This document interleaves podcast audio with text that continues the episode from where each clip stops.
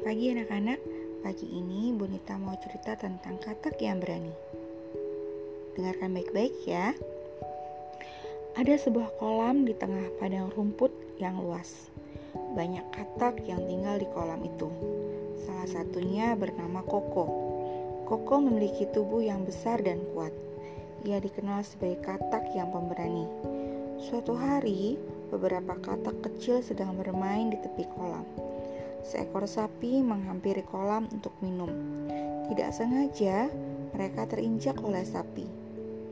Kata-kata kecil melompat dan menjauh. Mereka ketakutan melihat tubuh sapi yang besar.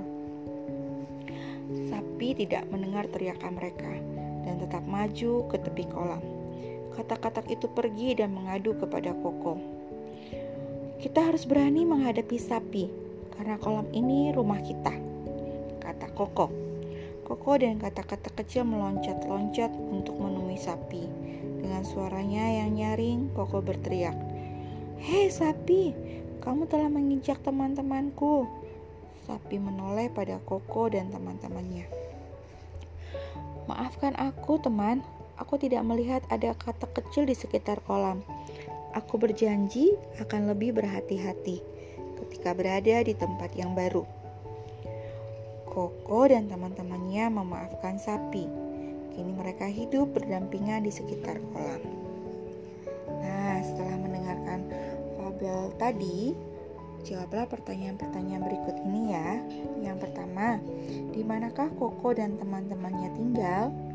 Yang kedua, apa yang membuat kata-kata kecil ketakutan? Yang ketiga, apa sifat Koko yang perlu kita tiru? Yang keempat, bagaimana akhir cerita tersebut. Yang kelima, sikap baik apa yang ditunjukkan dongeng katak yang berani tadi?